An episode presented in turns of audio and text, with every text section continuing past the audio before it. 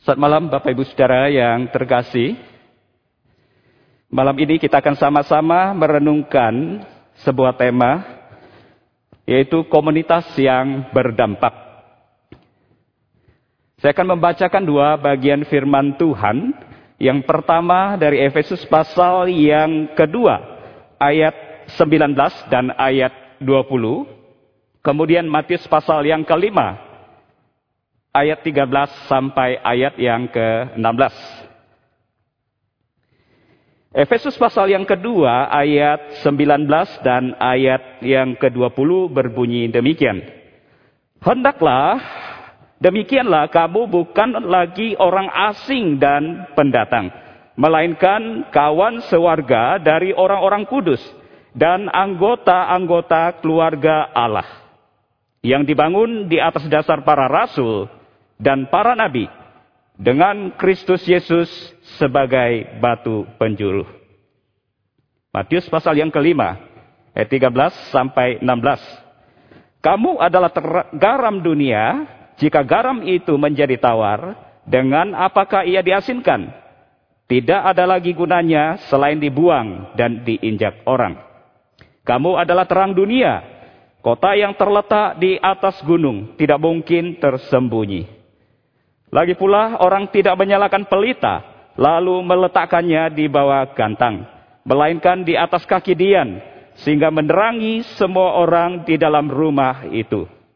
Demikianlah hendaknya terangmu bercahaya di depan orang, supaya mereka melihat perbuatanmu yang baik dan memuliakan Bapamu yang di surga. Bapak Ibu Saudara yang terkasih, Ketika kita bicara tentang komunitas, tentu ini bukan suatu yang asing lagi bagi kita. Kenapa, Bapak Ibu Saudara? Karena di sekitar kita ada begitu banyak komunitas yang bisa kita jumpai. Seperti komunitas sepeda, komunitas jalan sehat, komunitas pecinta hewan, komunitas seni. Dan ada begitu banyak komunitas-komunitas di sekitar kita. So dikatakan bahwa komunitas-komunitas ini terbentuk karena adanya minat atau hobi yang sama. Dan demi menyalurkan hobi atau minat yang sama itu, mereka rela berkorban, mengeluarkan biaya yang besar saya punya satu teman, sekalian, dia tergabung dalam komunitas sepeda. Awalnya dia hanya punya satu sepeda, dan sepeda yang biasa, tidak terlalu mahal. Tapi sekarang dikatakan dia punya beberapa sepeda. Dan ada sepeda yang mahal sekali, puluhan juta, saudara. Dia senang memiliki sepeda itu. Sekalian karena sepeda itu dikatakan ringan, tidak berat. Dan saat digoes, terus kalian, itu enteng sekali. Sangat enak dipakai. Terus kalian itulah komunitas-komunitas yang ada. Mereka ada karena hobi yang sama dan demi sebuah kepuasan mereka rela bayar harga. Lalu menjadi satu pertanyaan, bagaimana dengan kita sebagai komunitas Kristen. Bagaimana dengan kita sebagai kumpulan umat Allah?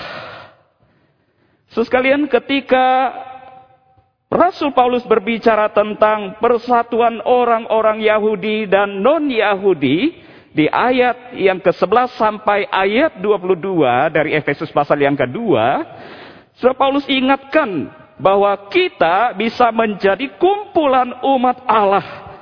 Itu karena Kristus. Dialah yang mempersatukan orang-orang Yahudi dan non-Yahudi. Dikatakan oleh darahnya. Kita yang jauh sekarang menjadi dekat. Oleh salibnya. Kita yang bermusuhan telah diperdamaikan. Perseteruan telah dilenyapkan dan dia telah memberikan damai sejahtera bagi setiap kita. Dan sekarang dikatakan kita sama-sama beroleh jalan masuk kepada Bapa. Karena itu dikatakan Bapak Ibu Saudara bahwa dalam kumpulan umat Allah, dalam komunitas Kristen, kita bukan lagi orang asing atau pendatang, melainkan kita ini adalah sekawan, sewarga dari orang-orang kudus anggota-anggota keluarga Allah. Jadi Bapak Ibu Saudara, dari penjelasan Paulus ini, kita tahu bahwa komunitas Kristen itu berbeda dengan komunitas lainnya. Sesekalian komunitas Kristen itu ada dan kita ada di dalamnya. Itu dikatakan karena anugerah Allah. Karya Kristus Yesus di atas kayu salib itulah yang telah menjadikan kita, mempersatukan kita dalam keluarga Allah. Paulus mengibaratkan, sekalian, kumpulan orang percaya itu seperti bangunan. Sebuah bangunan itu tentu ada pondasinya, ada dasarnya, dan pondasinya itu harus kuat. Kalau tidak, suruh sekalian, maka bangunan itu akan gampang sekali roboh akan gampang sekali hancur. Demikian dikatakan bahwa kita kumpulan umat Allah itu dibangun di atas dasar yang kuat, di atas dasar ajaran rasul-rasul dan para nabi, yang semua itu sekalian berpusat kepada Yesus Kristus yang adalah sebagai batu penjuru. So, maka komunitas Kristen, komunitas orang percaya, menjadikan firman Tuhan itu yang utama. So, firman itu harus menjadi yang berotoritas, yang memerintah di dalam komunitas, komunitas Kristen. Dan kita semua yang ada di dalamnya, kita taat, kita tunduk, kita patuh kepada firman. Sekalian itulah yang membedakan kita komunitas Kristen dengan komunitas-komunitas lainnya. Lalu sekalian apa yang Tuhan inginkan dari komunitas Kristen? Sekalian Yesus mengatakan kepada pengikut-pengikutnya bahwa kamu adalah garam dunia. Kamu adalah terang dunia. Hendaklah terangmu bercahaya di depan orang supaya mereka yang melihat perbuatan-perbuatanmu yang baik memuliakan Bapa yang di surga. Setelah umat Kristus, pengikut Kristus, bukanlah sebuah komunitas sekalian yang dikelilingi dengan pagar yang tinggi. Sehingga kita hanya berputar-putar ke dalam, sehingga kita tidak melihat keluar, kita menjadi eksklusif, Bukan seperti itu, saudara. Tetapi sekalian, kita adalah orang-orang yang dikatakan yang telah ditebus oleh Tuhan, yang telah diselamatkan oleh Tuhan, yang diperlengkapi, kemudian kita diutus keluar di tengah-tengah masyarakat, di tengah-tengah dunia. Untuk apa, saudara? Untuk memberikan dampak. Saudara, kita diibaratkan seperti garam. Kita tahu bahwa garam itu punya banyak sekali manfaat. Di antaranya sekalian sebagai penyedap masakan. So, sekalian saya suka asin, saudara sekalian. Kalau saya masak, istri kadang protes. Masakan kamu terlalu asin. Dia terkadang ingatkan. Hati-hati nanti darah tinggi. Tapi memang dari sananya, saudara sekalian, dari sejak kecil. Saya suka asin. Suka makan ikan asin juga. Terus kalian garam juga dikatakan sebagai pengawet saudara. Terus kalian saya ingat pernah uh, berkunjung ke satu daerah yang tidak ada listrik, tidak ada kulkas tentu di sana. Lalu orang di sana sekalian mengadakan satu perjamuan, mereka potong babi, saudara. Banyak tidak habis. Dan sebagian mereka awetkan. Dengan apa mereka awetkan, saudara? Mereka tabur garam yang banyak. Supaya tidak cepat busuk. Terus kalian, ketika Tuhan Yesus mengatakan bahwa kita ini adalah garam dunia. Tuhan ingin mengatakan kepada kita sesungguhnya kita ini sekalian orang-orang yang berguna. Orang-orang yang dibutuhkan oleh sekitar kita. Kita dibutuhkan oleh orang-orang yang masih hidup di dalam kegelapan. Karena itu Tuhan katakan, kamu adalah terang dunia. Kita harus sadari, sekalian, akan hal itu. Sehingga sus sekalian ketika kita sadar bahwa dunia membutuhkan kita, kita tidak menaruh terang itu di bawah kantang. Tetapi sus sekalian kita bisa menaruh pelita itu di tempat yang pantas baginya, di tempat yang tepat, yaitu di kaki Dian. Supaya apa saudara? Supaya orang yang melihat, orang yang ada di sekeliling, di sekitar, itu merasakan dampak, merasakan berkat daripada terang itu, saudara. Sudah dalam satu Petrus pasal yang kedua ayat yang ke-12. Di situ memberitahukan kita cara memberi dampak, saudara. Sudah dikatakan, milikilah cara hidup yang baik di tengah-tengah bangsa bukan Yahudi supaya apabila mereka memfitnah kamu sebagai orang durjana, mereka dapat melihatnya dari perbuatan-perbuatanmu yang baik dan memuliakan Allah pada hari ia melawat mereka. So, Petrus berkata, kita memberikan dampak bagi sekeliling kita, yaitu dengan cara hidup baik melakukan perbuatan-perbuatan baik, biar Tuhan disaksikan melalui perbuatan-perbuatan baik kita. Dan biar satu saat mereka yang merasakan perbuatan-perbuatan baik dari orang-orang percaya, mereka juga boleh terima Tuhan. Boleh percaya kepada Tuhan. So, karena itu saudara gereja bukan hanya sekedar mendengungkan kasih di atas mimbar. Tetapi ada bidang pelayanan sosial, sudah. Ada diakonia. Sekalian pelayanan-pelayanan ini ditujukan kepada mereka yang membutuhkan. Baik anggota eh, jemaat yang ada maupun kepada mereka-mereka yang ada di luar. So kita tidak membatasi hanya untuk anggota, tetapi juga kita melayani mereka yang di luar, yang membutuhkan. So dengan demikian, sus sekalian, kita melakukan kehendak Tuhan. Kita melakukan keinginan Tuhan. Kita, sekalian, tidak taruh pelita itu di bawah kantang. Kita tidak umpetin terang itu.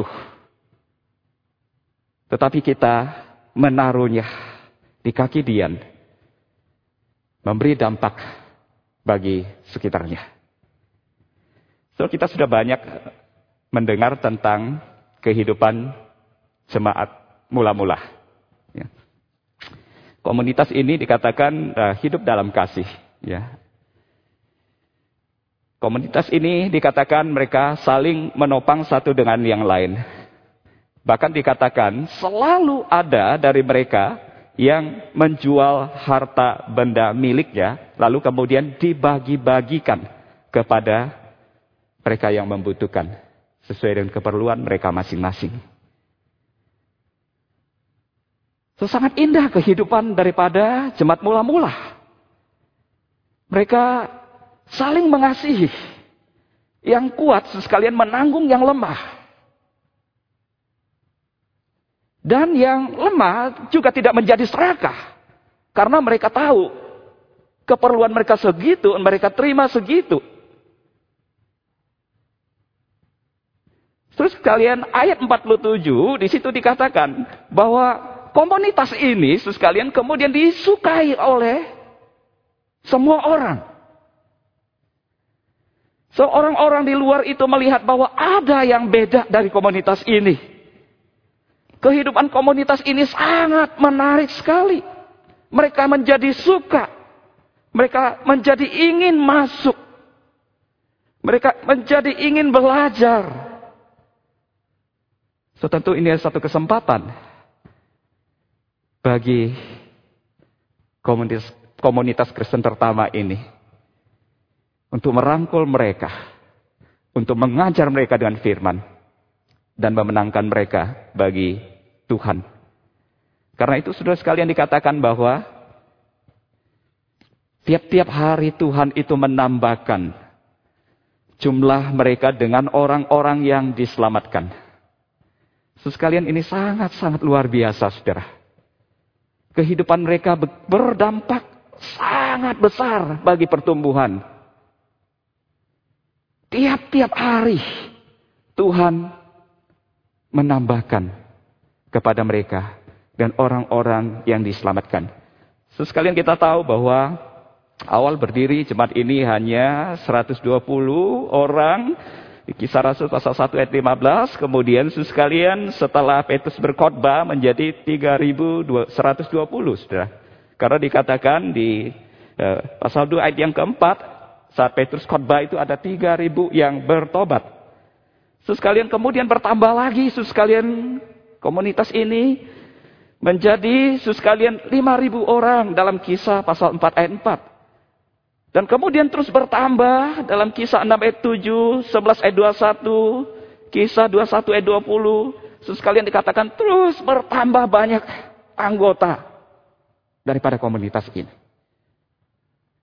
Sampai menjadi puluhan ribu orang. Banyak sekali. Berkembang dengan pesat sekalian.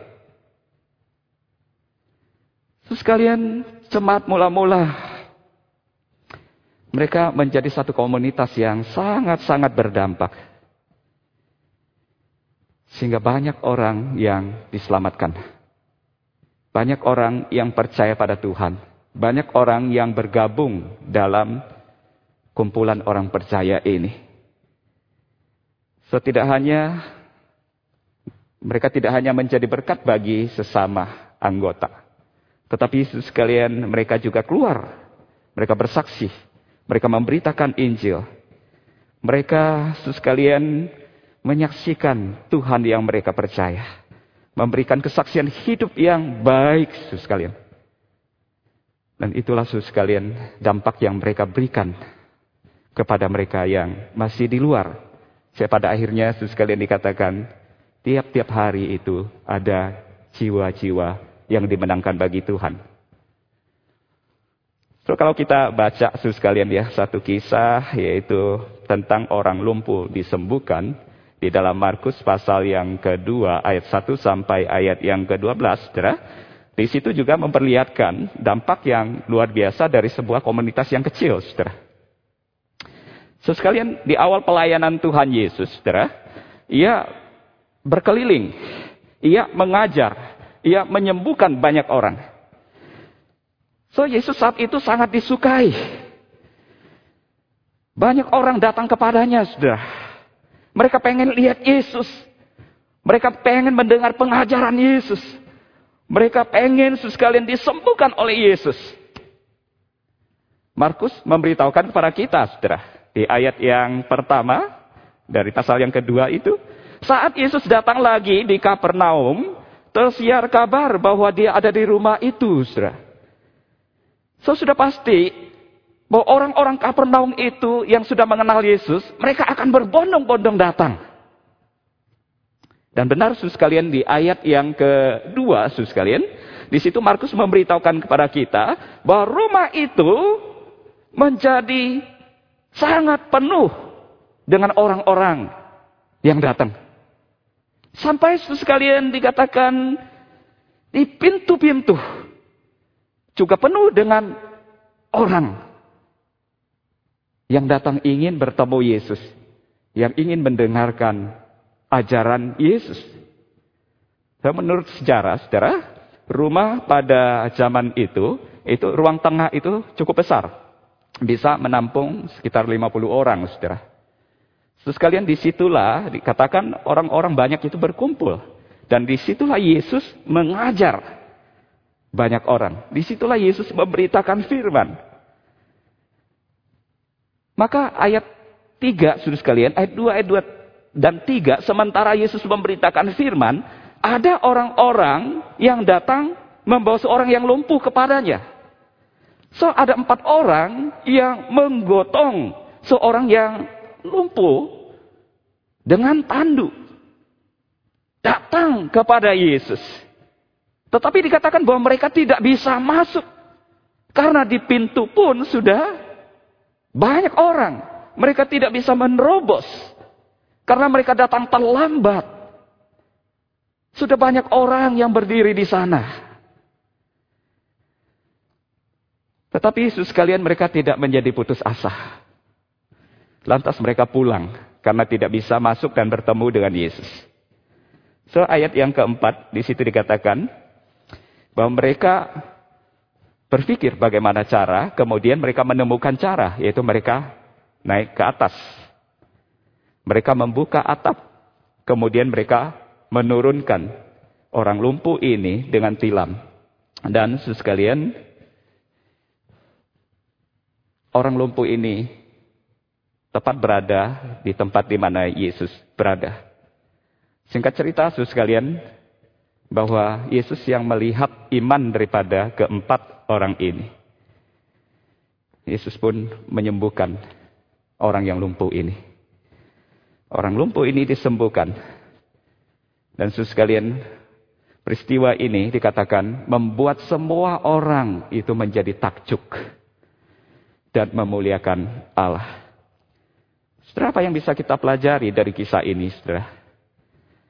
Saudara, dalam kehidupan kita, saudara sekalian, kita membutuhkan komunitas.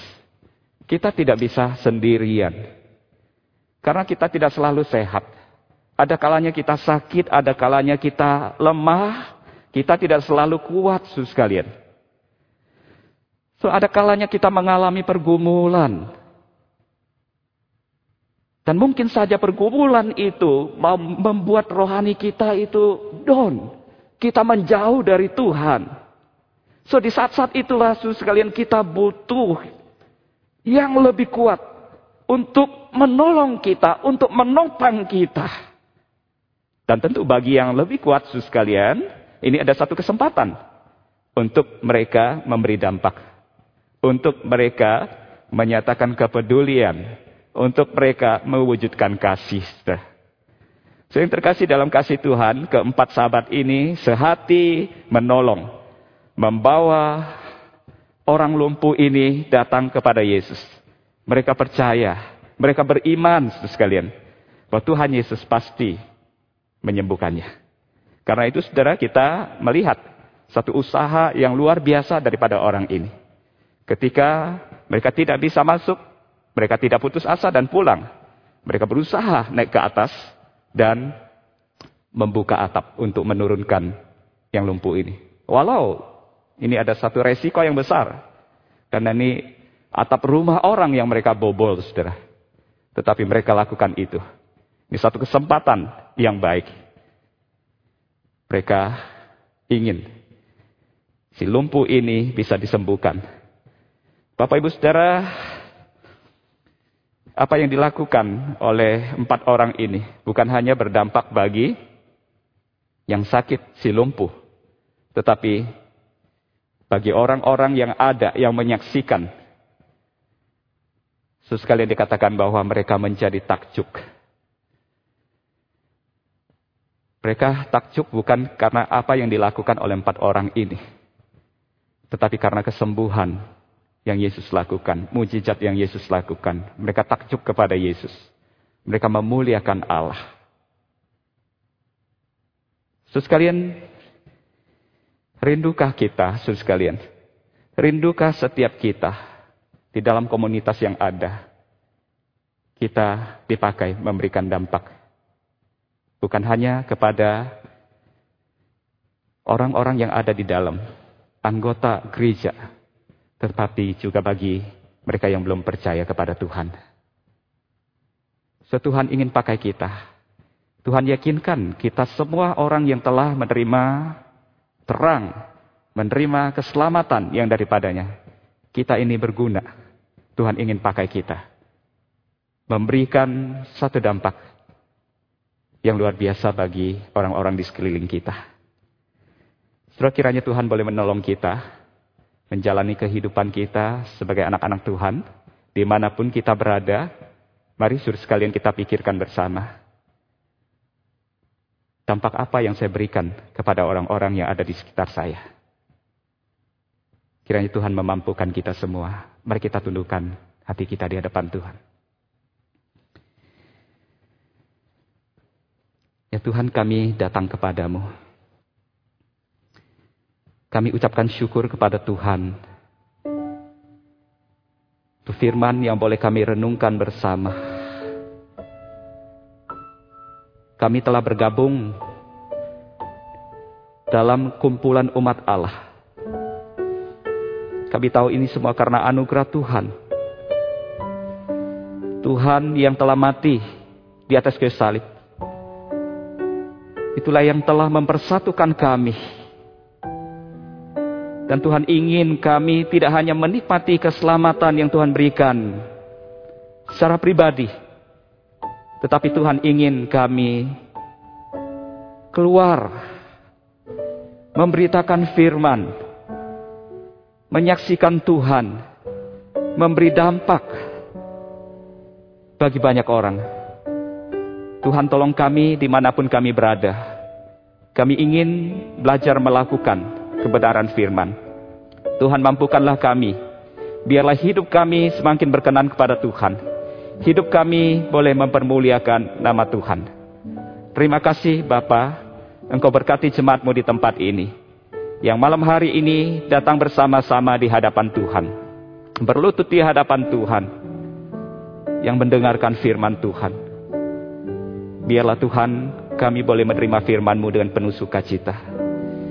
Dan kami boleh lakukan dalam kehidupan kami. Terima kasih Bapa.